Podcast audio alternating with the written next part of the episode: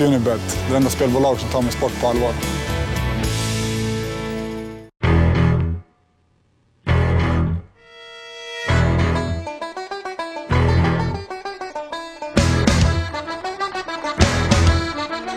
Sådär, välkomna till eh, avsnitt 13 av Kimura-cirkeln. Det här är då en videopodcast som vi släpper på iTunes och på kimura.se.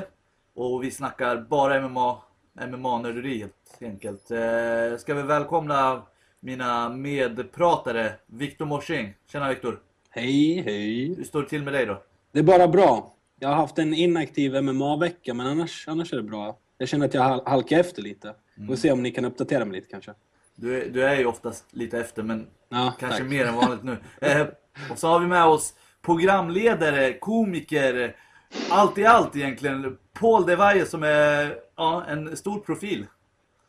Ja, Jag vet inte om jag är en stor profil, men Nej, men- eh, syns i alla fall i ja, MMA-panelen. Nej, men det är kul. Eh, det är faktiskt Kommentator kul att ska jag också säga. MMA-kommentator också. Sveriges in- bästa skulle jag hävda. Announcer. Tack så mycket. Hur står det till med dig?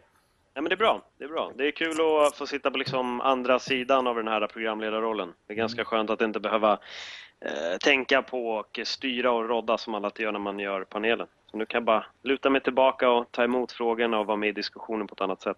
Vi, vi har ju egentligen ingen så programledare i det här i, i, på Kimura-cirkeln men kanske finns en risk för att Paul så glider in och börjar du vet, Nej, ställa du sina du, är, ledande du är frågor. moderator, jag har kollat på det och du är den som är in och styr. Så du är en omedveten programledare. Ja, ja, mycket, men det blir så. Jag är lite äldre än Viktor så jag måste ta det liksom, lite Ja, det är det. Papp, pappa-ansvaret, är det det du säger? eller? Svaret precis. Styra Viktor rätt in i, rätt i Kimura-cirkeln. Nej men jag tycker vi kör igång. Eh, Det finns inga konstigheter. Det var en gala nu i lördags. eh, UFC Ultimate Fighter-finalen säsong 17. Jag vet inte vad de heter nu. Den gick i alla fall på eh, FX va? USA tror jag. Ja. Ja. Hur som helst. Eh, om vi tar generellt om galan. Eh, Paul, var det någonting speciellt? Eh, alltså var det en, en gala som alla andra eller tyckte du att det var någonting som var bättre eller sämre med den här galan? Eh, det är intressant. Eh, jag gillade galan. Jag tyckte den var helt okej. Eh, jag var kanske lite överraskad där att eh, Calvin vann. Fast kanske ändå inte, för att han hade ändå det på något sätt att han, han lyckades ju prestera under exakt alla matcher. Så liksom höjde han sig väldigt många snap och det verkade som att Uriah Hall var ganska tagen av stunden och fick inte riktigt ut det som han ville liksom. Och som sagt, det är en sak att fightas inför en liten publik och det är en helt annan sak att kunna prestera när det är sjukt mycket folk. Jag brukar faktiskt göra den här jämförelsen med folk som, eh, jag kör ju stand-up också, jag brukar jämföra ibland stand-up och MMA. Och då brukar jag säga det att det är jävligt lätt på att vara bra att knulla en tjej när man är hemma själv, men det är väldigt, väldigt svårt när det är många som ska titta på. Och Har du, MMA har du samma sak. det här, måste jag fråga? det fanns en karriär som jag inte riktigt eh, hamnade där jag ville, om man säger så. Nej, men jag, jag tror att det är lite så att ju Mm. mer... Vissa har svårt att prestera när det är mycket folk. Det blir en annan prestation. Men kan, kan det inte Det varit lite lite som att Uriah fick det. Kan det inte varit att Kelvin eh, visade ingen rädsla för Uriah Hall heller? Om man har kollat just i, i huset, då, har- då har ju han, de har ju snackat upp han till skyarna och som Dana White sa, alla är rädda för honom. Det var en otrolig respekt i huset. Men det kändes som att Kelvin inte riktigt var... Han var orädd. Absolut. Det, det, det håller jag med om och det tycker jag att han har visat under hela, under hela gången i huset, att han har inte respekterat någon. Och jag tror nog att ibland så är det det som kan göra det är en av de faktorerna som kan göra dig till champ, det är att du faktiskt, du visar ingen rädsla. Praktexempel tycker jag om man går tillbaka många events är Gabriel Gonzaga mot Mirko Krokop. Han visar inte honom någon respekt och han knockar honom med hans egen spark. Liksom. Och jag tror att det är där felet många gör ibland, att de blir, visar för mycket respekt och blir lite för skraja mot sin motståndare istället för att bara gå in och försöka köra över dem. Andra sidan där också är att om man blir oförsiktig så blir man jävligt sårbar också. Men det känns som att eh, Kelvin använde sitt game totalt och han var totalt orädd också. Eh, känner jag i alla fall. Jag tror det, alltså när det är det som du säger, Alltså, det här. När jag såg just Uriah, för det är precis som ni säger, rejält upphypad under hela säsongen. Eh, Dana White pratade redan om honom utan att säga hans namn innan säsongen hade dragit igång. Eh, om att det, det var en kille där som alla är rädda för, det har ni hört och det, det nämnde ni tidigare. Men jag tänker så här, för att jag fick känslan av att jag har ju liksom, eh, dra, kan relatera till mig själv att när man eh, liksom har ett sånt stort test, alltså det kan vara ett prov i skolan eller vad som helst liksom, där man ska prestera. Eh, att man liksom går in och tänker så här. Ja, men alltså att man försvarar sig, det är någon form av försvarsmekanism. Att man tänker så här, men jag gör inte mitt bästa. Eller så här, förstår du vad jag menar? Då, kan, då vet jag i alla fall liksom att ja, men det var inte mitt bästa jag som förlorade. Att man garderar sig lite grann när, när han går in. För att jag, när han var i buren där, han var ju eh, fysiskt överlägsen, mycket bättre stående. Alltså även om eh, Kalmar fick in lite träffar. Så, men det kändes som att Uriah skulle kunna vinna om man bara liksom för att efteråt sa han, ja men jag försökte ha kul. Ja men visst, du försökte ha kul. Det lo, lovar jag att han inte tänkte innan. Så här, jag ska ha kul där inne. Han hade press och tänkte så här liksom, jag, jag ska in där och prestera inte. Så, alltså, han var så rädd för att inte prestera att han gick in och lekte nonchalant och liksom Andersson Silva-grejen, ställ dig mot buren och låtsas som att du inte är rädd för att bli nedtagen liksom. Eh, det känns som att han garderade sig för att förlorar han så kan han ändå säga, ja men jag var lite för nonchalant, jag försökte leka och kul. Eh, att han, än att han går in och är jätteseriös och liksom, eh, som Diaz-bröderna gör och förlorar efter en sån liksom, uppvisning. Då, då hade det kanske varit jobbigare för honom. För nu är det ändå så här, folk tänker så här, ja men han förlorade, men eh, han är ändå mer att ge. Det där var inte riktiga Uriah. Förstår du vad jag menar? Man är ändå nyfiken på att se vad han, vad han uh, går för uh, i sin fortsatta karriär. Än att om han hade blivit knockad eller om han hade förlorat. Uh, trots att han hade liksom gjort sitt bästa och sett ut att vara liksom inne i matchen till 100% så hade man kanske trott på han lite mindre än vad man gör idag tror jag.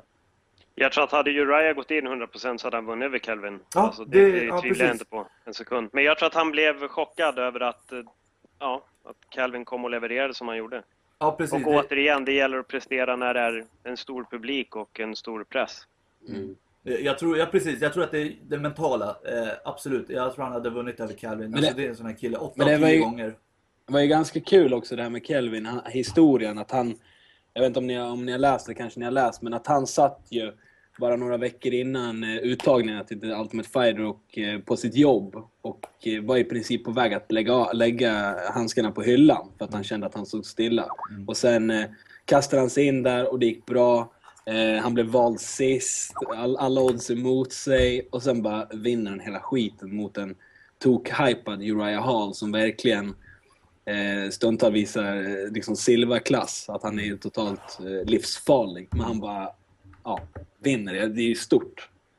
Det är coolt. Det, det är en, ja men absolut, det finns en eh, berättelse i det. I det hela Mm. som du säger. Han är redo att lägga ner och sen går han in, han är sist och han vinner liksom. Klassisk underdog-historia. Mm, Och det är, det är jävligt coolt. Ja, och nu funderar han ju på att gå ner också en viktklass. Vad tror ni om det då? Mellanvikt? Eller vad blir det? Eh, var det, tror jag. Eh, Jag tror att han kommer kunna prestera där. Alltså den killen, ja min åsikt som jag alltid haft om många fighters är att du behöver inte gå runt med en för mycket fett på kroppen i ringen. Utan du ska kunna gå in och vara ganska deffad och det kommer göra dig bättre. Du blir inte starkare av att ha 10-15 kilo extra fett på kroppen. Och det är det han har. Droppar han det, han kommer bli snabbare och han kommer bli farligare tror jag.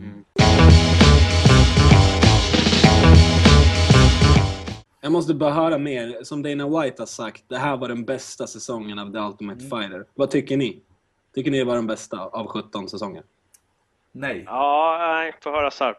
Ja, alltså det beror på hur man ser på det. Bästa så här, produktionsmässigt är det ju det bästa för det är det nyaste och de har filmat det väldigt bra, bra alltså förstår du? Det är lite mer regisserat än tidigare. Men jag tycker att jag har flera säsonger av de tidiga säsongerna där jag liksom fastnar för karaktärerna på ett annat sätt. Där jag har gillat liksom dramatiken. Eh, jag, jag gillar den här comebacks-säsongen gillade jag som fan. Eh, det var en fröjd att få följa just Matt Serra där i, i, under den säsongen. Säsongen med alla lättviktare. Jag kommer om en sekund, jag ska hämta. Ja. Fortsätt berätta. Eh, säsongen om lättviktarna Viktor, där var det ju liksom mycket kaos och till och med slagsmål och, och misshandel liksom i huset. Men du vet, Nate, D, eh, Nate Diaz var med där och, och eh, Joe Lazan och BJ Penn var liksom coach. Vilket jävla stjärngäng alltså. Ja men förstår du vad jag menar? Ja, ja, de där säsongerna håller ändå, det, det är någon form av nostalgivärde för mig, just de säsongerna. För, för, mig, för mig var säs, säsong... Du, vänta nu, vad fan. Nu försöker jag, nu försöker jag identifiera. Det är ju... Welter, det är ju GSP måste det ju vara. Nej, ser du inte vem det är? Kolla på handen och minen. Matt Serra. Det är Matt Serra efter att han vann Ja. mot GSP. Ja, men- Fan, den var inte så jävla lätt. Vart har du införskaffat den där? Jag var ju i Kanada.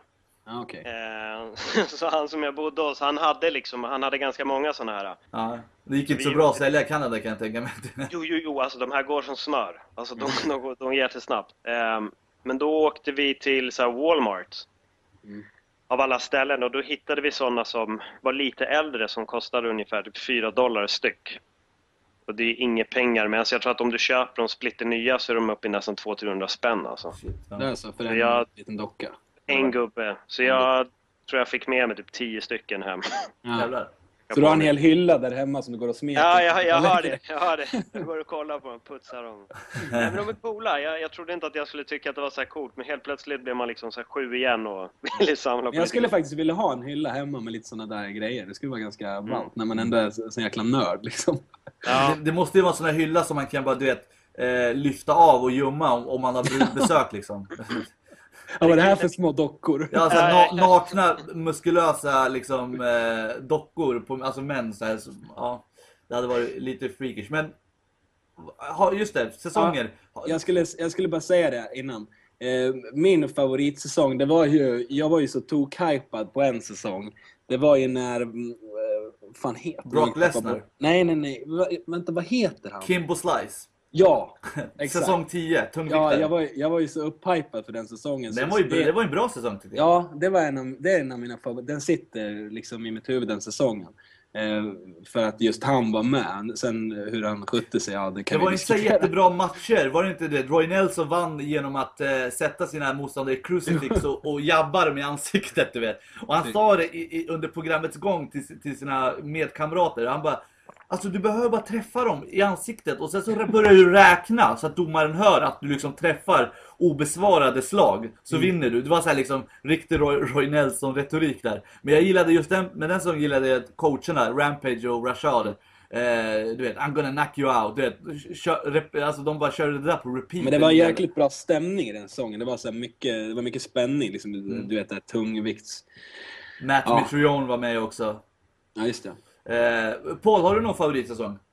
Ja, jag, jag, jag håller med dig att det här som gick nu, det är den absolut bästa produktionsmässigt. Det var de väldigt dramaturgiskt, jättesnyggt filmat. Eh, att de, de har verkligen steppat upp den på så otroligt många nivåer. Jag var skitimponerad, det var kul att följa. Fox Att baby. tycker- Ja, för att jag tycker att det har blivit lite de senaste gångerna så har det varit det är samma skit. Så att man har, jag har nästan bara snabbspolat till fighterna vissa Ja. säsonger.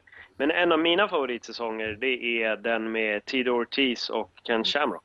Ah, eh, Den det, var- Säsong eh, Tre. tre med Matt, Ja, det var det. med, med Bisping. Ja, Bisping, Kendall- Matt, Ham, Grove. Just det, Bisping och Matt Hamill. Och, Matt ja, Hamill. Kendall Grove var ju också med. Ja, just det. Ja. Kendall Grove var med. Ja, just Vad det. gör, apropå ingenting, vad gör han nu? Kendall Grove. Han fightas väl? Ja, Han, han fightas för någon av de här eh, nå- gala i Hawaii. Det har inte gått så jättebra för han. eh, ex- Alltså utanför USA. Jag vet inte om han har varit med och fightats för den här nya organisationen i, eh, vad heter det, eh, The World Series of eh, Fighting, heter de så? Visst, ja, precis. Eh, WUSF, eller hur man säger. De i Las Vegas, jag tror han har varit med där, jag är inte säker. Men som sagt, han kör väl på fortfarande utan, att- utan någon större framgång, tror jag. Spännande. Ja, man trodde fan att det skulle gå riktigt bra för honom, men Han har en att det- profil, verkligen. Ja, och väldigt eh, annorlunda t- kroppstyp. Man, alltså, lite John Jones eh, typ. Alltså, han var ju före John Jones och han, hade, han var ju ung på den tiden. Väldigt jävla lång. Alltså. Sen hade han ju bra BJ så att han kunde ju verkligen använda eh, sina långa ben och armar till att, till att, eh, till att eh, eh, göra lås och grejer. Men, men jag vet inte, det funkade inte i slutändan tror jag. Du, vi går vidare på samma gala då som Uriah Hall och, och Calvin Gastelum fightades så hade vi även, vi ska först gå igenom den här tungviktsmatchen mellan Travis Brown och, eh, ska vi se, jag glömmer namnen på honom. Gabriel. Gabriel Gonzaga. Gonzaga, ja precis. Vad var hans, var hans eh, smeknamn nu igen? Gabriel de... Sao, eller? Nej. Ja, ah, Na- Napalm. Den ena är. Pisau och den andra är... De två så jävla lika. Napalm, du vet det här... Fan. Ja, Ah, Napalm, okej. det är väl där de sprängde Vietnam med eh, under Vietnamkriget på 70-talet. Men skitsamma, den matchen avslutades väldigt fort. Eh, Gonzaga var på väg att ta ner Travis Brown mot buren, burväggen när Travis Brown eh, bara levererar ett par hårda, eller många hårda armbågar i huvudet på, på brassen då. Eh, några träffar här bak tror jag, alltså vad som skulle liksom kunna bedömas som baksidan och eh, därmed olaglig eller illegal. Eh, och matchen avslutas, han vinner, det blir inget så strul med, beslutet så, utan eh, Travis får vinsten. Vad, vad säger du Paul om, om just det beslutet? Tycker du att det var rätt eller tycker du att de ska ändra på det i efterhand? Ja, Jag vet inte, man- det vet jag inte. Ja, men, men däremot när jag såg det så tyckte jag att det kändes, det kändes inte helt klockrent. Mm. Jag fick bara en så dålig vibb när jag såg hur han började armbåga. Det kändes som att de där, de, de är så på gränsen liksom. Någon prickade ju. Det, det tror jag till och med Travis Brown själv har sagt. Att en, en är han medveten om prickar, men då tyckte han redan att han var på väg ner. Och, ah, nej, jag vet inte. Jag, den där vart jag lite förvånad över faktiskt. Mm. Jag ska Ja. inte säga att de var hundraprocentiga på huvudet heller, men det, när jag såg det så tyckte jag bara att det kändes riktigt, riktigt på gränsen alltså. Precis, jag, jag vet det, kände exakt likadant för när jag såg armbågarna, jag trodde inte han skulle kunna avsluta honom just från, från den positionen. Eh, det är väldigt sällan man ser det. Men tungvikten har ju så mycket kraft att det går ju uppenbarligen. Men, men, men jag tyckte jag också, kände också här, shit, shit, shit, det, det där träffade han, det, där, det, de var olagliga liksom, så. Eh, och sen är det många som säger så här, ja ah, men vadå, han var redan nere, alltså han blev knockad av sla, de slagen som var liksom eh, regelrättiga. Eh, att han blev knockad innan han började träffa bakhuvudet. Men jag vet inte om det liksom spelar någon roll. Förstår du vad jag menar? Han slog på, han slog på ställen han inte fick slå innan matchen blev avbruten. Väl faktiskt... lite, ja. Ja, fortsätt. Nej, men det är lite som med Patrick Cottey-matchen mot eh, Alessio Sakara. Där var det ju också Ja, några prickade och några prickade inte liksom. Och den blev ju som, den blev, han blev diskad då. då. ja.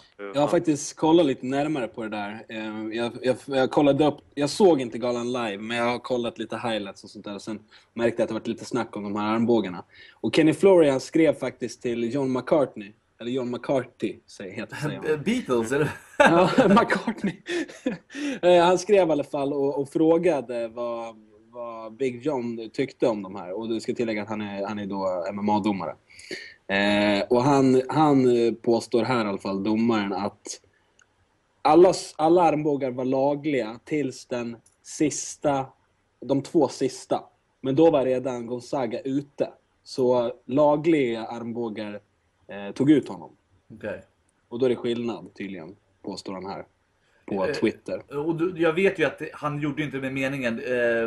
Eh, Gonzaga börjar ju falla ihop så att han, han är väl inte rätta till liksom, Nej, eh, precis. eh, siktet sådär. Men jag tänker mig så här, men vadå? Så om, man, om, jag, om någon fighter knockar den andra så att han ligger ner på backen och sen började fotstompa han i ansiktet. Ja, men han var redan ute Ja. innan det. Ja, nej, men, nej, men sån brutal skillnad tror jag. Men, men som du säger själv, att eh, han, han slog lagliga armbågar och sen att han är ute på de lagliga och att han följer upp och det blir en, två som är lite så här halvfula.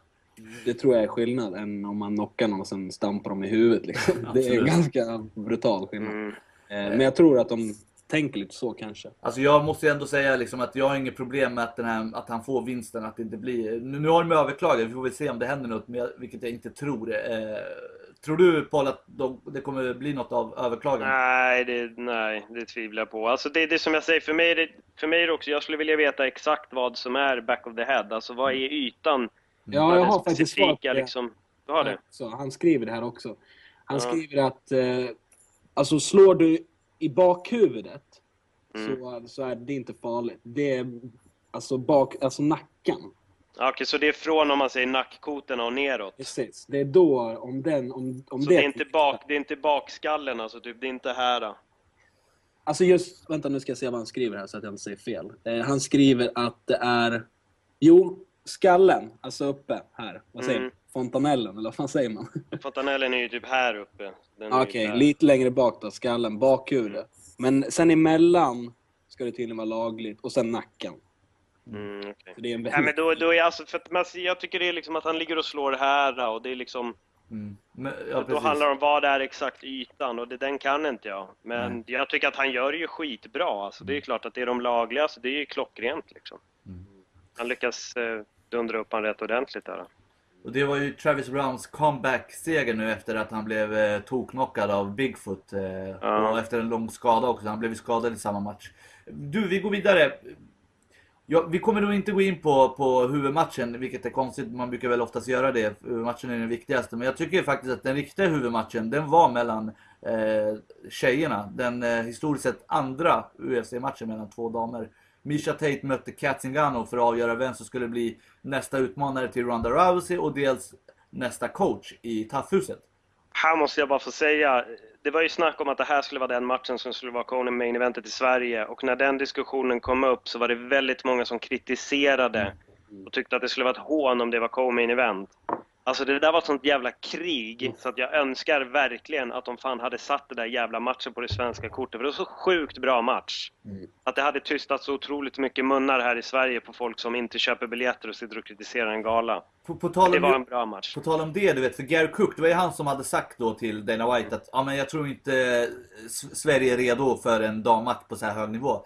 Då frågade jag, eh, vet du det, efter själva öppna träningarna, efter att eh, media scrummet med Gary Cook, så grep jag tag i honom efteråt när han var på väg ut och ställde frågan då. Dana White sa att du sa så här, stämmer det? Eller har du ändrat åsikt? För George Haltfeldt hade ju sagt till mig någon månad innan liksom att det är helt fel. Då har jag snackat med UFC om att de hade, gjorde helt fel där. Att det, det, Sverige är visst redo för det. Och då sa Gary Cook bara, nej nej nej. Det, där var, det har varit helt miss, missförstått så här. Det var inte så jag menade. Och sen så berättade han vad han menade. Det var precis det han, alltså det han, det Dana White sa egentligen.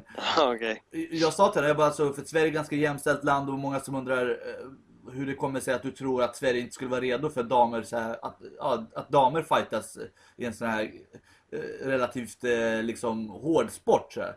Då han bara, nej nej nej, men jag menar liksom att ja men Sverige som helhet, eller hela regionen är inte redo för liksom på, på den här nivån. Jag bara, men precis det var det jag menade liksom. Så att, ja, eh, uppenbarligen så tycker Vilket de inte att- jäkla, vilket jäkla krig det var i Ja. den matchen. Den matchen var Fan alltså, det var bra match. Vad, vad, vad, vad säger ni om eh, vet det, just eh, själva matchen, alltså utgången? Eh, Kat Zingano kom ju tillbaka efter att ha varit eh, i underläge i tredje ronden och eh, slår ut Misha Tate, vilket är en bragd i sig. Mm. Vad säger ni om hennes insats? Hur mycket visste ni om henne innan den här matchen egentligen? Inte mycket. Eh, jag, eh, jag, när- jag fick göra mina predictions för galan, då var det... Eh, jag visste inte så mycket om Kat Zingano. Jag visste mer om Misha Tate, helt klart. jag visste vem hon var. Jag har sett ett gäng matcher av henne. Eh, så det vart ju att man trodde på Misha Tate, men ja, shit vilken krigare. Vilken jäkla match. Fram och tillbaka, fram och tillbaka. Och jäklar vad stryk de tar. det är helt sanslöst. Eh, så ja, det, har varit... Frågan är om hur, hur det blir för The Ultimate Fighter 18. Hade det varit bra om det blev Misha Tate för att hon eh, lite känd? Eller, eller är det bra för, för eh, vad heter det, kvinnliga MMA att, att vi får till toppnamn? Jag tror det finns folk- både för och nackdelar med att just hon vann och inte Misha Tate. Eh, men vi kan gå igenom Paul, Paul vad tyckte du om matchen? Hur, hur satt du som på nålar när du såg den? eller? Nej, men jag, jag håller med det, är det som Victor säger. Alltså, det, var, det var riktigt, riktigt bra. Det var ett krig eh, och jag är imponerad över att Kat Zingano kom tillbaka så extremt hårt i tredje ronden. För det, att det skulle bli så, det vet jag inte riktigt om jag hade förväntat mig. Mm. Och hon spöade ju skiten i Misha Tate i slutet. Eh, däremot så tycker jag faktiskt att jag, domslutet tyckte jag var lite konstigt, om jag ska vara ärlig. Mm. Hon var inte nere, hon var inte knockad, utan hon föll ner. Men samtidigt dyker hon på ett ben liksom. Att de bryter där, det, det tål väl att diskuteras liksom. Det var väl Eh. Kate Winslow som dömde också, va? Visst var det det? Ja. Stämmer. Hon har ju varit lite så här... Hon har ju haft lite tveksamma saker för sig tidigare. Ja, jag vet inte om det var någon av er som sa det, men det fanns någon sån här domar-bloopers. Jag vet inte om det var någon av er som sa det, men där hon typ ägde majoriteten av missarna under det klippet, så var det hon som stod för dem. Mm. Ja, eh, jag tror jag har sett någonting sånt där. Jag tror jag har hört det där också, precis det du säger. Men ja, Ja, det var väl kanske inte... Ja, Jag vet inte, jag ska inte, det är säkert jättesvårt att vara domare liksom, på den, Ja, den här absolut. nivån. Eh, Jag är kanske inte rätt att kritisera, men man tycker lite mer kyla kanske. Men hon- hon är väldigt så här, för, för jag kände det direkt. Hon dömde ju ett, ett par av matcherna på, på just det här kortet. Och jag, man känner sig inte som tittare i alla fall trygg eh, med henne. Man tänker liksom så här, oj nu, nu kan det bli något fel. Och så fort hon tar ett beslut tänker man, börjar man tvivla direkt så här, men var det här rätt? För att man har sett henne göra fel tidigare och det är inte bara henne, det finns ju så här, Masagati är också ett annat exempel på en, på en domare som, som man inte känner sig helt trygg med. Eh, men jag tänker just innan den här matchen så var hon också såhär, eller i den här matchen också, hon var så här, hon kanske varnade både Misha Tate och Gatzigan och typ så här, fem gånger var för att inte liksom, eh, för att inte peta varandra i ögonen liksom. Så här. Och det var inte, jag såg inte någon såhär någon fara för just det. För att när de grapplar så, så har de egentligen handen över munnen och det så här liksom. Det, det var ju aldrig någon så här stor uppenbar risk för att peta någon i ögonen. Men ändå så, ja men eh, håll dina händer borta från eh, hennes ögon. Håll dina, det var så här jobbigt för att hon hela tiden skulle hon prata med fighterna. Jag tycker att en domare ska inte synas i en match. En domare ska liksom bara vara där när det behövs. Förstår du vad jag menar? Domaren ska vara osynlig egentligen. Jag är, jag är lite nyfiken, Paul. Vi säger att du ska göra din UFC-debut. Mm. Fullsatt Globen, du sitter i omklädningsrummet, sen kommer Kate Winslow in och förklarar reglerna. Och hon är din domare. Hur, hur hade din känsla varit?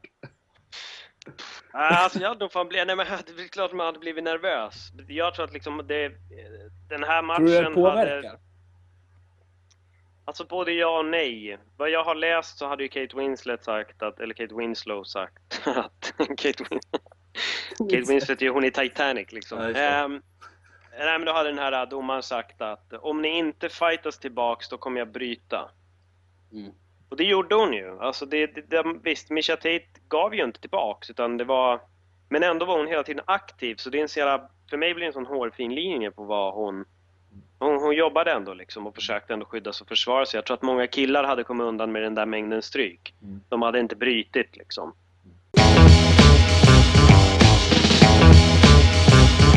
Nu är det ju så att vi har, det är ju mycket UFC nu. Det började ju med UFC här i Sverige och nästan en gala varje vecka hela, hela månaden.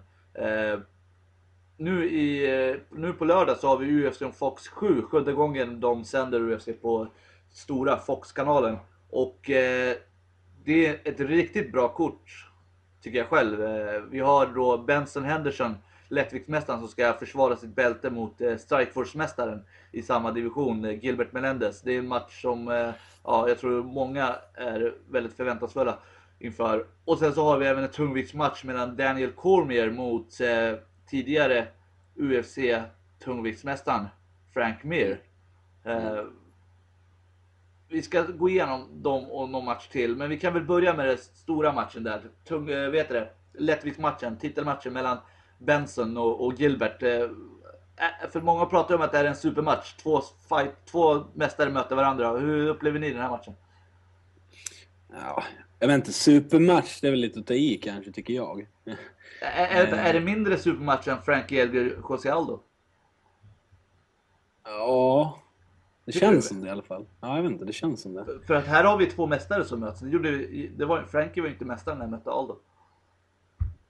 Nej, men just nivån, alltså det, det är så svårt att veta nivån på, på vad heter det? Alltså, UFC är ju den alltså, största och eh, den har ju högst nivå. Eh, av olika anledningar, tycker jag i alla fall. Eh, så jag vet inte, jag har lite svårt att känna av nivån på Gilbert Melendez. Han är förmodligen riktigt bra liksom. Eh, uppenbarligen, om man är mästare i Strikeforce.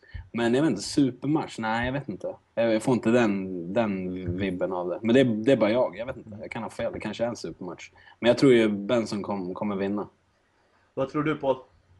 Nej, jag tror väl det också, eh, samtidigt som jag tycker att det, det är en sjukt intressant match. Mm. Eh, jag tycker, det, det som jag tycker är lite coolt med det här kortet också är att Benson vann över eh, Nate Diaz i sin förra.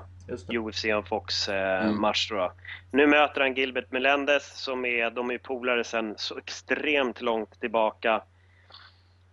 Och de ska gå match. Och det coola tycker jag också är att Nate Diaz ska möta Josh Thompson som, har, som egentligen är... Gilbert Melendez har två förluster varav en av dem är just mot Josh Thompson. Fast Mm. då har de fightats tre gånger och de andra två gångerna har han vunnit. Mm. Så det är, jag tycker det är hans det, stora rival egentligen. Josh Ja, Thompson. Jo, så ser man det till det här så det är en så jävla speciell, det är en så jävla intressant, kortet Mm. är så in- intressant ihopsammansatt på det sättet. Att nu får Gilbert Melendez förmodligen gå in och agera storebror åt Nate Diaz för att då demolera Benson Henderson och visa att Stockton är de som liksom regerar och de ska vara på toppen. Mm. Nate säger ju själv att Gilbert är den bästa fighten i den viktklassen. Eh, och samtidigt så måste ju då Nate bevisa att han kan spöa upp Josh Thompson Mm. för att visa att Stockton fortfarande är bäst. Så det finns en så jävla Världens intressant... krig alltså. Ja men det är ju det. Det är en sån intressant rivalitet som jag liksom, Mm. när jag sitter och kollar på det här och går igenom alla de grejerna så tycker jag att vad fan, det är, skit, det är så jävla genialiskt sammansatt de här, Mm. två, uh, fight, de här två matcherna liksom. Men, men en, en- en ytterligare aspekt är ju om man tittar på alla matcher på huvudkortet, för det är ju bara fyra matcher, och några till på underkortet, är verkligen Strikeforce vs UFC. Absolut. I För att eh, Nate Diaz som sagt UFC-fighter möter Josh Thompson från Strikeforce. Samma i titelmatchen. Frank, eh, eller Daniel Cormier också från Strikeforce möter Frank Mir. Och sen har vi Jordan Mean som är från eh, Strikeforce och var hur grym som helst i senaste matchen mot Dan Miller. Ja, Han riktigt. möter eh, vet du, Matt, Matt Brown, Brown. som är en riktig UFC-veteran. Så att det, det är som du säger, det finns en viss form av eh, dramaturgi i, den här, i det här kortet. Eh, Men, men om vi kollar på titelmatchen, vem, vem tror du vinner den? Alltså för mig, Benson Henderson, han, blir, han, liksom, han tar inte det snäppet upp för varje match, utan han gör så och så går han bara vidare med lika stora steg för varenda match. Eh, och så som han var mot Nate Diaz, alltså det var ju tokimponerande alltså, tycker jag. Det var Det sitter, tokimponerande. det sitter i tandpetaren alltså. Ja, exakt, exakt. Det är det det gör. Varenda gång man ser han i någon intervju så har han ju den där. Mm. Frågan är om han kommer få ha den i den här matchen. Men jag tror att det är en... Alltså jag är faktiskt, jag, ju- mer jag har suttit och läst om det idag, desto mer peppad har jag blivit inför matchen. För jag tycker det är en sån in, intressant historia i hela, hela den här grejen. Och det ska bli grymt att se. Är Gilbert Melendez så duktig som alla Strikeforce-fans tycker att han är? Eller alla allmänt? Precis. Man är, man, är, man är lite oviss. Är han så bra? Jag tycker det skulle vara coolt om Melendez vann. Det skulle skapa lite kaos i viktklassen.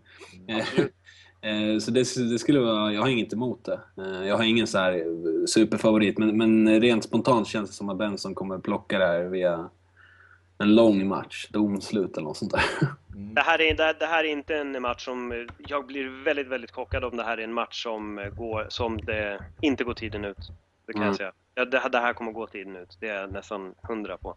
Så, där ska ni betta era pengar på Unibet, tiden ut. Alltså den här, Mm. den här matchen är, de är väldigt lika, alltså de här två fightersna. De är ungefär lika långa. Eh, de har två, båda två har två förluster. Gilbert har tre fler vinster än Benson Henderson, men de har ändå liksom ungefär lika mycket erfarenhet. Eh, och båda är egentligen brottare.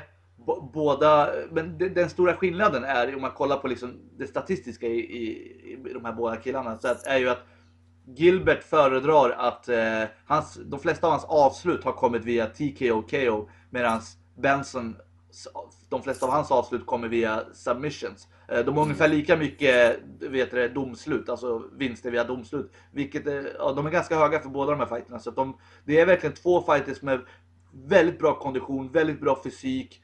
Eh, bra brottning, de är väldigt stabila, väldigt kompletta. Det här är liksom kompletta MMA-fighters, eh, framtidens MMA-fighters. kommer väldigt intressant, intressant att se eh, vem som tar det. Jag, jag lutar också åt, åt Benson i och med att Gilbert har varit lite småskadad, inte fightats på nästan ett år och inte mött det här toppmotståndet som Benson Henderson har gjort i sin tid Har ni någonting emot om Gilbert nu är chockad och bara knockar Benson i första ronden? Absolut inte. Det Absolut skulle inte. vara en härlig utgång faktiskt. Jag personligen gillar Benson och jag vet även Mm. att Benjamin Nyman på Kimura är helt såld på Benson Henderson. Han har ju sagt att det finns inte en chans att Gilbert vinner över Benson. Mm. Men nej, det ska bli kul. Det ska bli riktigt, eh, riktigt spännande att se. Mm. Eh, vi går in på den tungviktsmatchen som är skitintressant den också. Eh, det är ju Daniel Cormier som är egentligen Strikeforce eh, tungviktsmästare. Nu, han nu vann han bara turneringen men man kan väl eh, ja, se han som tungviktsmästaren för Strikeforce som kommer in. Semimästare. Ja, kom, ja precis, kommer in och möter eh, UFC-veteranen Frank Mir. Eh, jag, jag tror de flesta är intresserade av att se vad, vad Cormier kan göra, en gammal OS-brottare. Eh, hur, hur hypade är ni inför den här, inför Cormiers debut i UFC? Så det, har ju Eh, varit sjukt. det har ju varit jättemycket snack om, om Daniel Cormier väldigt, väldigt länge. Nej, men det ska bli grymt. Jag, jag tror att det behövs. Han behövs. Det behövs få in mer folk till just den viktklassen. För enligt mig, den viktklassen är så jävla gles att varannan match så möter, möter de varandra igen bara. Mm. Det är som att nästa titelmatch återigen, det är liksom samma personer som man redan har sett gå ja, i princip slutet på förra året. Mm. Och jag, jag tycker inte att det är något, det är inget kul att se samma killar bara mötas hela, hela tiden. Så det behövs verkligen in folk. Och jag tror att han kommer vinna. Mm. Daniel Cormier då alltså. Mm, han har ju förbaskat eh, snygga meriter, eh, Daniel. Verkligen. Eh, om man kollar just på, på brottningen och det här. Han är ju han är obesegrad. Kommer in till UFC med 11-0. Eh, så mina, mina pengar sitter ju på Daniel Cormier, utan tvekan. Eh, jag tror att Frank Mir är på väg, på väg ut. För ni diskuterade också i MMA-panelen just att han är lite... Det har inte gått så bra tidigare. Eh, och jag tror att eh, han, han är för stark för Mir. Tror jag. Jag tror det med. Vad, hur tror du att han vinner då? Eh, TK Eh, tror jag. ja, någonting åt det hållet. Eh, jag Vad- tror inte vad, den går... Vad sa du Paul? Teknisk knockout. Jag tror inte att han Teknisk. kommer söva... Jag tror inte han kommer söva Mir, men han kommer slå ut honom. Samma för dig Viktor eller? Ja, jag tror inte att han kommer, kommer submitta ut honom. Det tror inte jag heller. Mm. Faktiskt inte. Nej, det är jättesvårt. Eh, ja, men jag tror att det kan bli... Jag ser inte det gå tiden ut, men det kan säkert bli så. Du vet, brottningen det här. Att han plockar ner honom och det får inget avslut och du vet, hela den här biten. Eh, men antingen TKO eller ja, domslut. Det, Men det jag som, tror på TKO. jag, jag är skithypad inför den här matchen också, precis som ni är. Men det, det enda som förstör lite grann är ju eh, Cormiers ovilja att möta sin klubbkamrat eh, Cain Velasquez som är mästaren i tungvikten. För, för, för att Cormier är ju ett självklart, en självklar kandidat till att få möta honom. Och skulle han vinna här, nu och göra det, göra det på ett bra sätt så skulle han kunna vara eh, nästa man efter, efter Bigfoot. Men han, han, är ju, han är ju helt, han har ju sagt det, jag kommer inte möta eh, Velasquez. De, de tränar ihop, han är till och med hans brottningstränare. Cormier, Velasquez brott. Så att det gör att jag känner såhär, ah fan. Alltså Okej, okej, om man vinner mot Frank Mir, vad händer sen? Ska han gå ner en viktklass? Det, jag, vet, jag är inte säker på om jag vill se han gå, försöka ta sig ner i den åldern han är i. För han är ju liksom uppemot, ja, över, eh, uppemot 35 eller någonting. Eh, Så att jag, jag vet inte, det förstör lite grann för mig. Fast, fast han är också en av de här klassiska killarna som går runt med lite extra fett på kroppen och han skulle kunna tappa det. Det, att- det tror jag absolut. Han kan gå ner. Det vet jag att han, för att han, det är som du säger, han är ju... De kallar ju inte han The Black Fear för, utan anledning, utan han är ju väldigt... Eh, eh, han ser ju inte ut att vara så jättetränad. Alltså han är ju tränad, men alltså han har ju fett på kroppen. Eh, men, men han har ju dock haft problem under sin brottningskarriär med just viktminskningen och haft njur, vä- väldigt tuffa njurproblem och så, så att jag vet inte om hans kropp tål att, eh, att gå ner vid, det här, vid, vid den här åldern också. Jag Alltså, tror att vi- det, alltså, gre- grejen är så här med njur, njurproblemen som uppstår, de, de uppstår inte för att du går ner i vikt på ett hälsosamt sätt. Det är för att du går ner extremt snabbt eller att du sitter och pressar i en bastu. Mm. Om du bara ändrar om din diet och din kost, då kommer du gå ner. Jag Mm. menar, alla som har varit i USA vet, vet hur maten ser ut där. Det är hamburgare, det är mycket skräp. Börjar du käka rent, börjar du käka nyttigt, så då kommer kroppen bara att släppa av sig vikt långsamt, långsamt. Men, Och hans men, men Paul, kolla, tungvikten, det, är ju, Mm. det är ju liksom Många vet att tungvikterna är inte speciellt teknisk om man jämför med de lägre viktklasserna. För, för det är mycket mer kraft där och man kommer mycket längre på just eh, ren fysik eh, i, i tungvikten. Och skulle han då gå ner till lätta tungvikten där, där jag upplever eh, fightersna mycket mer tekniska så vet jag inte om han håller. Alltså förstår du vad jag menar? Det, det, det, det är ju inte så enkelt som, bara för att han är en av de bästa i tungvikten så är inte jag säker på att han skulle vara en av de bästa i lätta tungvikten. Jag, jag, jag Ja, absolut. Ja, nej, men det är självklart att det är så. Det är självklart att vissa stannar. Det är många som säger det också, att de stannar i en division för att de är bra där. På Mm. grund av den vikten de har och på grund av att de... Vissa går inte ner för att där är de för snabba och de är rädda för den snabbheten. Vill han riskera då sin, liksom, sin karriär? För att det är inte så många år kvar i den här tanken ändå. Eh, Vill han riskera Ja, han är sin 34 karriär? så. Ja. Och, och Ja, det, är det, det, det han får se. Jag tror också att är han där... äh, Jag, jag, jag tror så här, de där två kommer fightas. I slutändan så kommer det handla om pengar.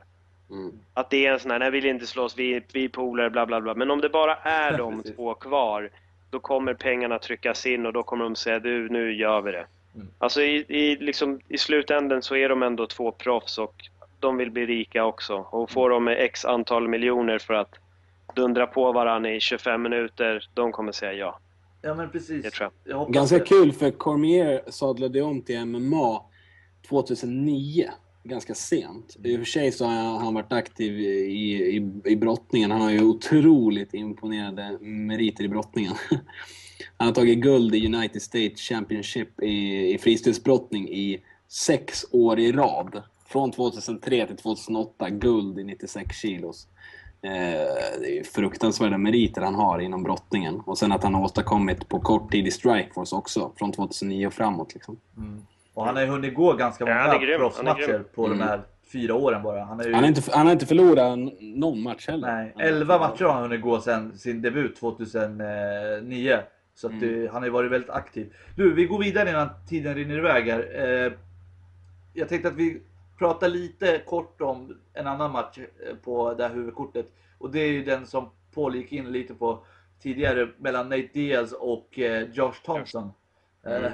Hur, för egen del kan jag väl börja med att säga att jag är inte lika, så här, ska man säga, exalterad över, över Diaz som jag, var, som jag var kanske för ett år sedan i och med i och med han, förlusten mot Benson Henderson, den var ju väldigt, väldigt hur ska man säga, enhällig, eh, själva, själva matchen. Eh, och jag vet inte, jag har svårt att se Diaz liksom göra en ny titelrun som de säger. Men, men, om vi går in på vad ni tycker om just den här matchen.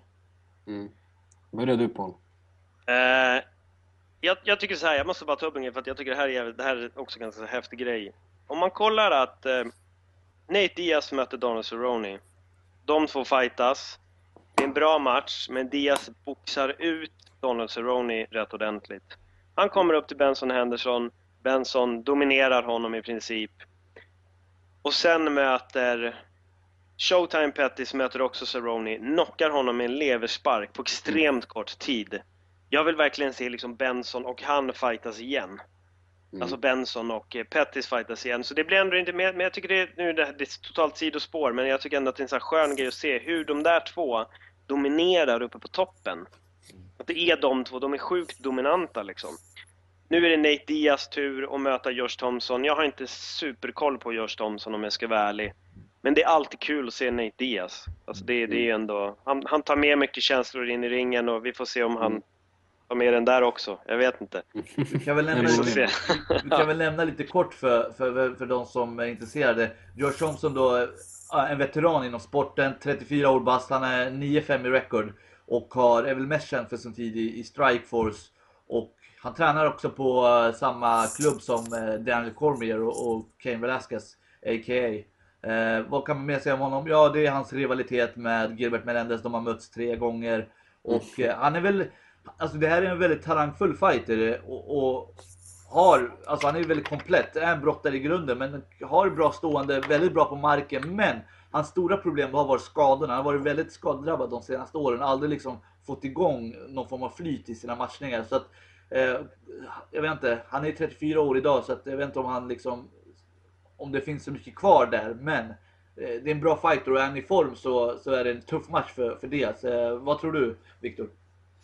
Absolut, men jag, jag, är också liksom inne, inne på det du säger. Jag också tappar lite, lite respekt för Diaz-bröderna på, på, på ett sätt. Just det här som utspelar sig med, med Nick Diaz, hela den här biten, du vet.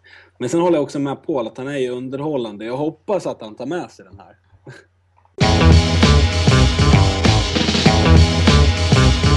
Innan vi eh, börjar att eh, runda av så finns det lite andra grejer som jag också vill gå in på, saker som har skett under veckan som är väldigt intressanta. Eh, vi kan väl börja, båda grejerna är väl egentligen, det är ju domarrelaterade saker. Eh, först och främst så är det ju en match då på Heroes mellan, eh, ska vi säga namnen, Victor Pesta och eh, Josef Ali Mohammed. Josef Ali Mohammed, tungviktmatch som gick på Heroes tidigare i eh, mars. Mm. Och eh, jag såg inte matchen och jag har inte sett den i efterhand så jag, jag, ska nog inte säga så mycket om den. Men det jag kan säga är att svensken vann då på split decision va? Och eh, många som, såg, som var på galan och som såg den på TV några veckor senare menar att eh, ja, Victor Pesta var klar vinnare. Jag har hört det från jättemånga. Jag har, inte, jag har knappt hört någon förutom eh, människorna i hans team som har sagt att, det var, att han var vinnaren, den rättvisa vinnaren. Nu i efterhand, efter att Victor Pestas team gick ut och överklagade så har MMA-förbundet, det svenska då, vänt på, vänt på domslutet och inte bara eh, gjort en eh, DQ av det, eller inte DQ, en non-contest av det här utan gett vinsten till Victor Pesta. Vilket Mm. Helt rätt. jag aldrig varit med om, eller jag har aldrig liksom sett det tidigare att det Alltså grej, grejen det som hände på Heroes, jag såg ju, det var ju två utländska fighters som mötte en varsin svensk. Och båda de här blev tok bortdömda. Nu kommer jag inte ihåg namnet på den här andra som också var så här tveksam. Det var Ers, Men- eh, Ersoy. eh, Just det, Michel Ersoy mot, mot ja, vad hette han då? Eh, Ja, nu kommer jag inte pratar ihåg. du så kollar jag upp det. Ja, skitsamma. Eh, Men den här Victor Pesta-matchen och Josef Ali Mohammed-matchen, det var Victor Pesta dominerade och gjorde mer skada.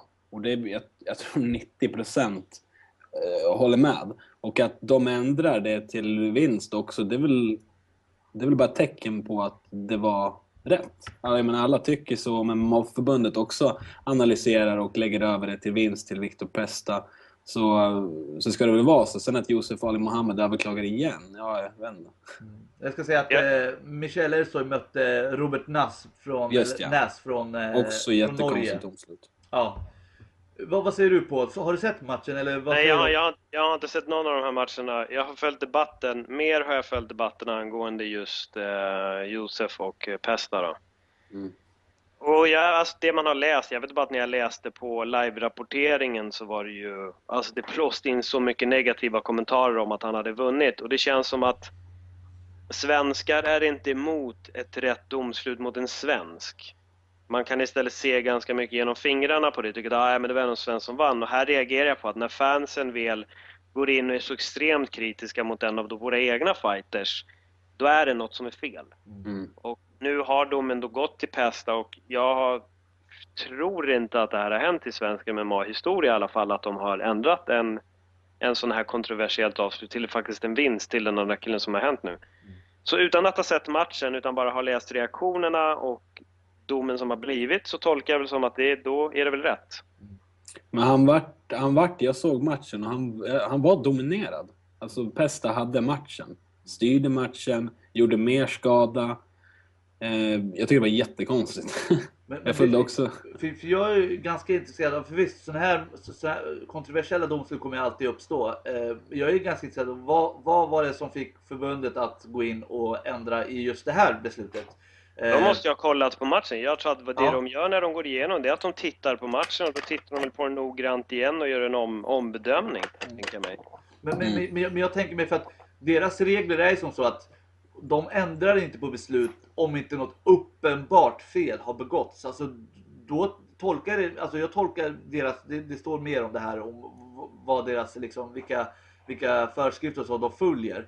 Men, men just, eh, jag tolkar hela den grejen som att om, inte, om inte det är något så här administrativt fel, alltså något uppenbart sånt fel. För här har ju domaren uppenbarligen suttit och tittat på matchen och sagt Ja men jag tyckte han vann den här ronden, jag tyckte han vann den här ronden, jag tyckte han vann den här ronden. Och sen har de alla tre domare, eh, deras beslut har samlats ihop och så har de utsett en vinnare. Var är felet? Är felet liksom deras bedömning? Ni, ni tyckte fel. Är det, som, är det det de har liksom gjort fel? Är det det uppenbara felet? Det är det jag undrar över egentligen. Jag vet ju inte hur det där går till, men det låter ju som att det är så. intervjun som eh, John Anik gjorde efter, eller under kanske det var, eh, galan i lördags. Då intervjuade han coacherna för, för eh, de här två lagen som var under TAF då. John Jones och Chelsea. De skulle då mötas den 27 april i New Jersey om jag, om jag minns rätt. Och eh, det är titelmatch och så, ja, alla vet vad det handlar om egentligen. Eh, men under intervjun, det som är intressant med det här, under intervjun så var John Jones väldigt eh, frånvarande på något sätt. Eh, han eh, tittade inte Chelsea en, en gång i ögonen, svarade väldigt kort och väldigt arrogant. Eh, vet vevade med händerna och såg inte ut att vilja vara där. Och sen så stack han så fort ja, intervjun var avklarad. Alltså de brukar ju stå kvar tills, tills eh, bildproducenten klipper bort dem. Men han bara försvann direkt så fort eh, intervjun var officiellt klar. Så sagt. Vad, vad tror ni det här handlar om? För att de har ju ändå, Chael och eh, John Jones har ändå sett ut att ha liksom, ganska bra Han- relation till varandra under, under själva säsongen, TAF-säsongen. Han, eh, han, han börjar markera, tror jag, rent mentalt. För, sin, för sin egen skull, tror jag. Jag tror han börjar bygga upp det redan nu. Han måste på något sätt eh, infinna sig i, vad säger man, rätt mental state. Alltså, Och jag tror, jag tror det är hans sätt kanske att just bara bygga den här grejen, isolera sig lite, för nu är han vän. Jag menar, ska han gå in där och betjäna kompis? Nej, han ska slå sönder honom. Är du med? Ja, Det är ja, hans bälte. Ja, han.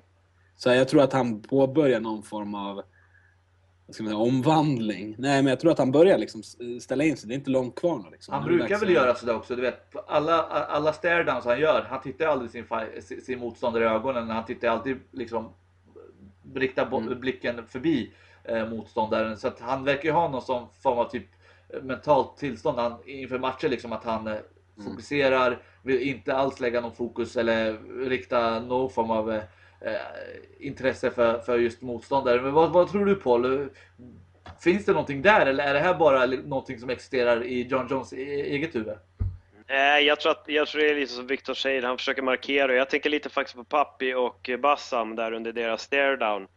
Eh, vad jag vet så Pappi har sagt att han vill inte skaka hand med honom för att han, han ska slåss med honom och han tycker att det känns fel att liksom ha den approachen mot folk. Och där tror jag att när han gör så offentligt under en stare-down så blir folk så vilken idiot, varför gjorde han inte det? Men, men vissa personer behöver det avståndet för att kunna gå in och spöa upp någon i ringen liksom. Och jag tror att desto närmare du är en person så för vissa kanske det blir lättare att verkligen börja backa och liksom Mm. inte ha väl gäller. kontakt. Ja. För det blir lättare att klappa på den personen och bli polare sen.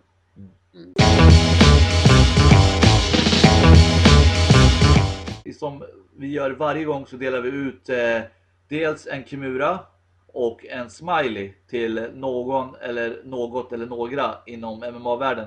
Vi kan börja med Viktor. Har du någon eh, Kimura du vill ge till någon? Kimura. Ja. Ja, jag har faktiskt en Kimura jag vill ge. ja.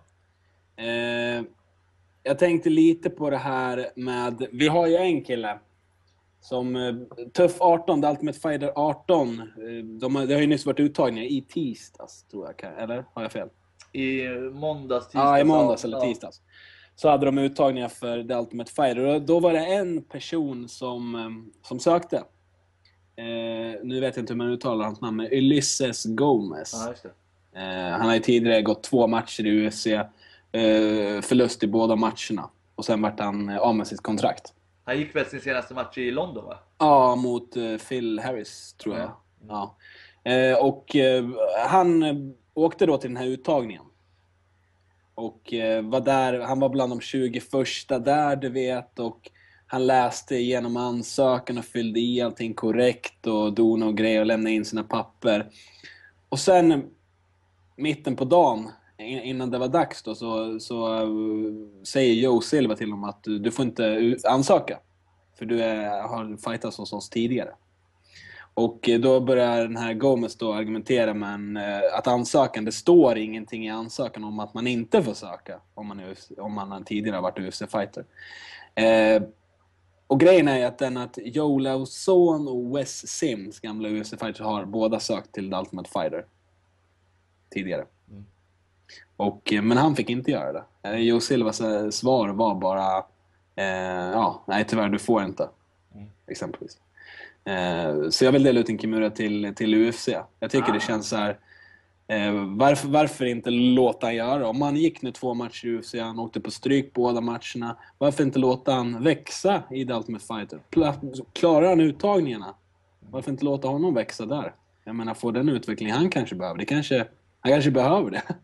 Är du med? Jag- Han kanske blir världens, liksom, det kanske blir en Kelvin-historia igen. Jag läste nu idag att de hade dels sagt, precis som du säger, att han inte får eh, söka. Men sen hade de sagt till honom att ja, men håll dig i matchvikt redo.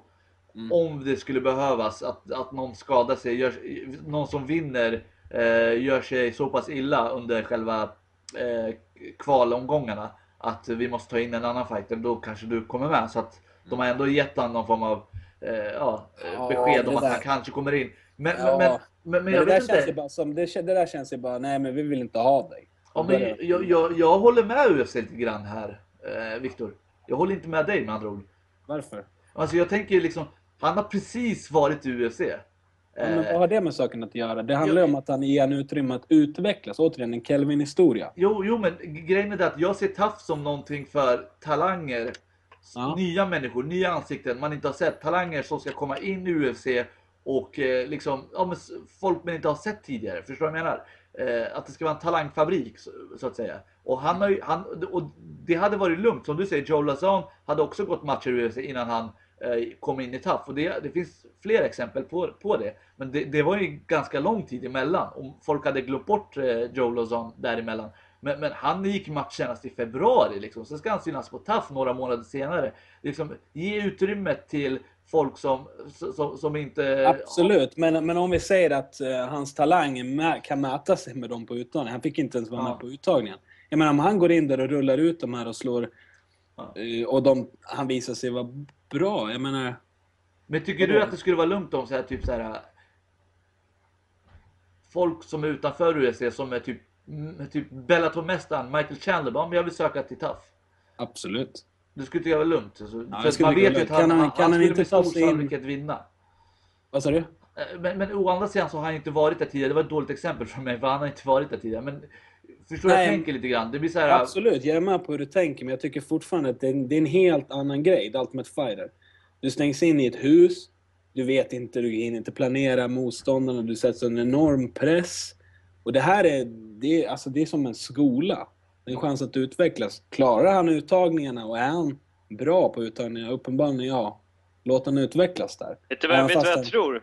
Jag, jag, jag- jag tror faktiskt att de kan ha en sån enkel grej att de kommer göra om som de gjorde förut, att de tog in före detta UFC-fighters. Det hoppas jag på.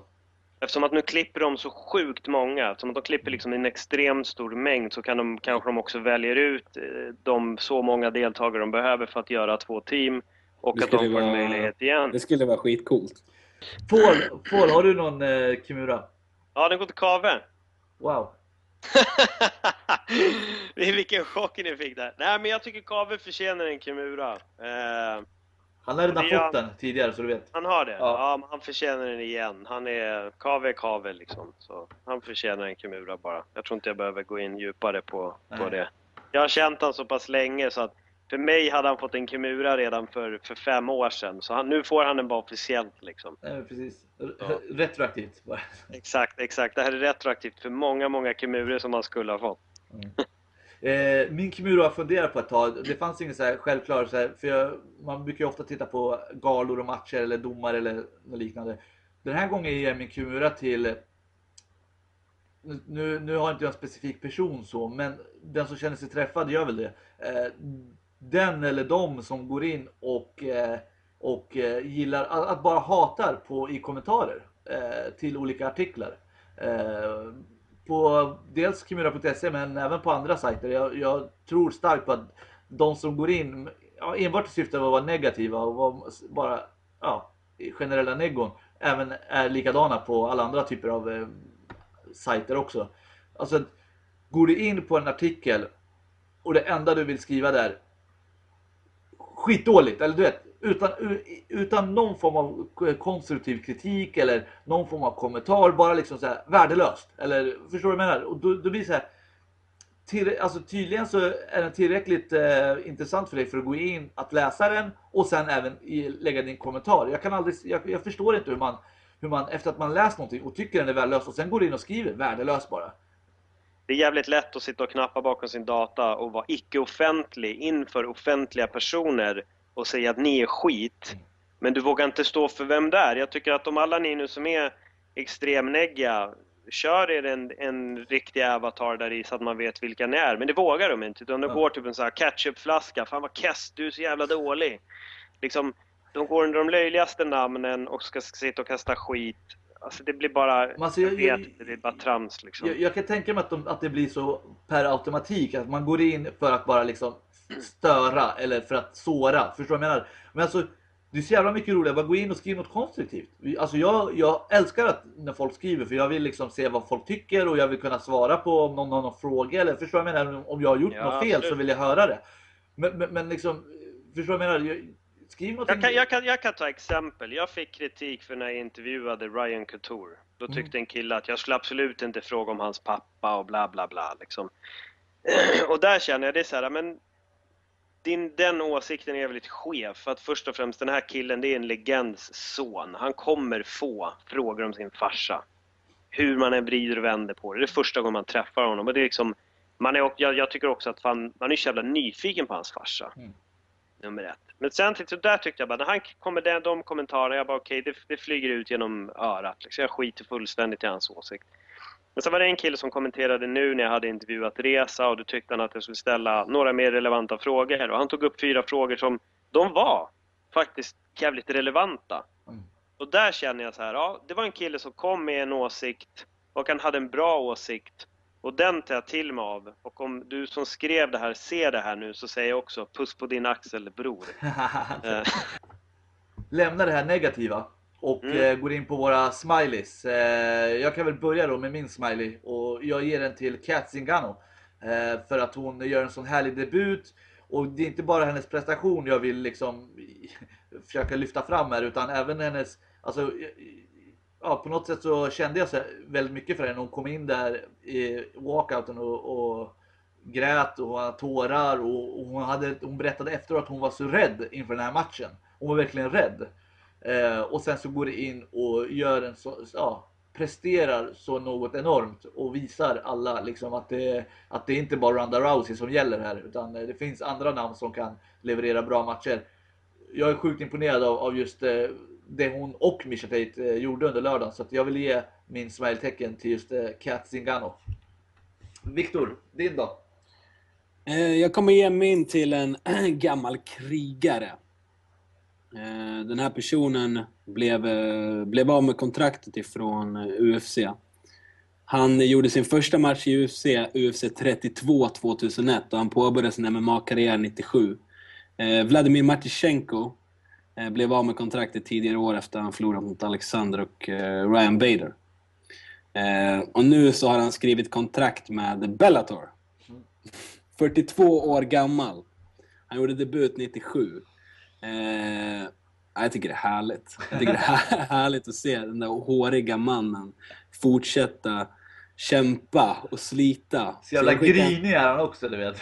Så jag vill skicka Alltid grinig. stor Alltså, jag måste se- smiley Ja. till Matchenko. Jag, vart, så- jag såg när det var inför eh, fighten med Alex och Matysjenko så sitter de och intervjuar honom. De gör en sån här The Road med, med honom liksom. Och då säger han så här. Ja, när jag var ung så eh, jag hade så tråkigt så att jag var tvungen att läsa böcker. Mm. Det kan nog vara fan den dummaste kommentaren jag har haft. För att det är inte direkt som att man är dum eller har trist för att man läser en bok. Det är ungefär typ så det smartaste du kan göra är faktiskt att sätta dig och läsa och allmänbilda sig. Men han ansåg att han hade så tråkigt så han läste böcker för att inte ha tråkigt. Men, och det här var då uppenbarligen innan han hade fått slagen i huvudet också som han hade den åsikten. Men han är skön. I 42 Sovjet, och Sovjet också ska man nog tillägga. Ja, precis. Nej, alltså, jag tycker-. Jag tycker det är ballt att han, han, han fortsätter. Vad som än händer, du vet. In i Bellator, nu ska vi in och kriga.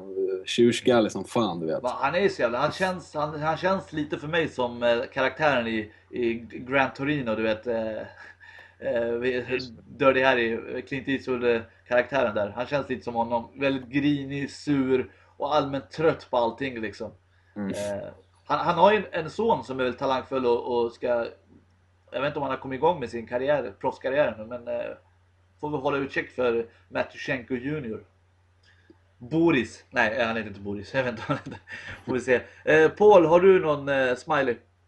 Ja, absolut, den går ju faktiskt till Pani Banzai Kiansad som är på TAF-uttagningen. Jag tycker att hon behöver all, all pepp nu när hon är där och eh, jag vet faktiskt inte, är hon den enda svenska tjejen som åkt dit?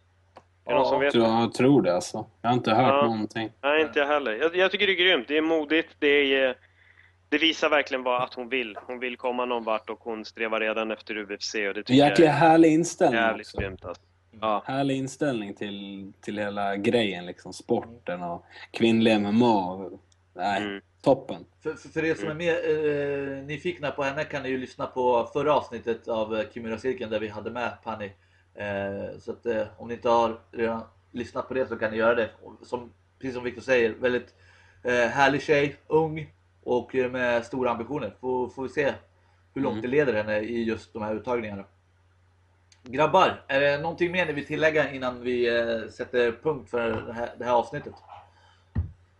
Nej, Nej. om ni tycker om att lyssna på podcast så har jag en gammal podcast som heter Lättvikt för alla er som inte har hört den. Så, och ni gillar att lyssna på poddar så gå in och lyssna. Har, har du något mer Paul? Du har ju så här, känns som att du har tusen bollar i luften ståendes på händer. Eh, med, med, mynten som bara faller hela tiden från fickorna. Jag har, du vet, jag har kollat på det där klippet, du syftar på GSP-klippet när vi tränar med bollen.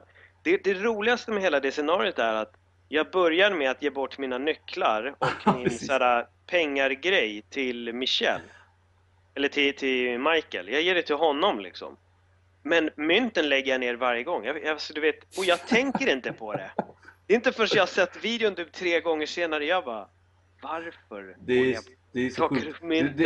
var det någon form av så här, eh, alltså, för du står ju ändå där och visar upp övningar för självaste GSP. Var det någon form av så här, eh, mental block där du hade bara tankarna på? Nej, det var liksom bara... Nej, alltså jag blir, jag kan säga direkt, jag, jag blir inte starstruck. Jag tycker Nej. det var bara så här, han var där, jag visste att han gillar de här grejerna, så jag sa, fan jag måste visa han, jag visar honom bilden. Mm. Och då står jag ju 100% på händerna. Grejen är så här att det där är en grej som jag inte har gjort på svinlänge. Jag har jeans på mig, bollen vi latchar på, den är typ tväropumpad. Men vi började leka med de här grejerna och jag hade inte övat bollträning på säkert ett år alltså. Ehm, men nej, jag vet inte varför jag la ner mynten hela tiden. Jag, jag borde bara ha lagt bort dem. Men det är säkert, jag vet inte. Ibland fastnar du bara i en grej. Och så, du tänk, jag tänkte inte på det Nej. alls. Jag, jag hade inte en tanke på att jag la ner dem varenda gång. Jag bara plockade upp dem och la in dem. Det fanns liksom ingen tanke på att jag gjorde det. Det var bara en rutin. Det, det, det kändes som att det var, det, det var liksom det som var kvar av din årsbudget liksom. Ja, precis. Och så att, typ, det var typ så här två kronor om femma. Du vet, det var, så, det var inga pengar liksom. Ändå jag upp det. Men jag tror lite att jag plockade upp dem för jag tänkte att jag kommer inte visa någon mer övning. Alltså det Nej. var nog något sånt som var i mitt huvud. Men sen blev det mer och mer och mer. Jag tror vi höll på i typ så nästan sju eller tio minuter och, och latchade runt med grejer. Liksom. För er som inte har sett det, jag kan eh, rekommendera er att gå in. Jag tror den ska finnas på Kimuras Youtube-kanal? Det, nej, det är på MMA Heat som har det. Men sök MMA bara Heat, på ja. Paul Elaye GSP så kommer ni hitta. Ja. Fan vad kul. Eh, Paul, som sagt, finns det något annat du eh, är med i som du vill promota här? Nej, jo, det är absolut sista. För er som inte har sett Mytomanen, gå in och se den. Vi är typ Mm. så här, vi har släppt tre delar och det fattas ungefär 6000 views så är vi uppe i 500 000 klick på de här tre tillsammans då. Mm. Eh, så om ni vill gå in och supporta mig med några klick så att jag får den här halva miljonen på Mytomanen så skulle jag vara sjukt nöjd. Det är det enda. Annars MMA-panelen varje, varje vecka. Bra sagt, bra sagt. Viktor, någonting från dig?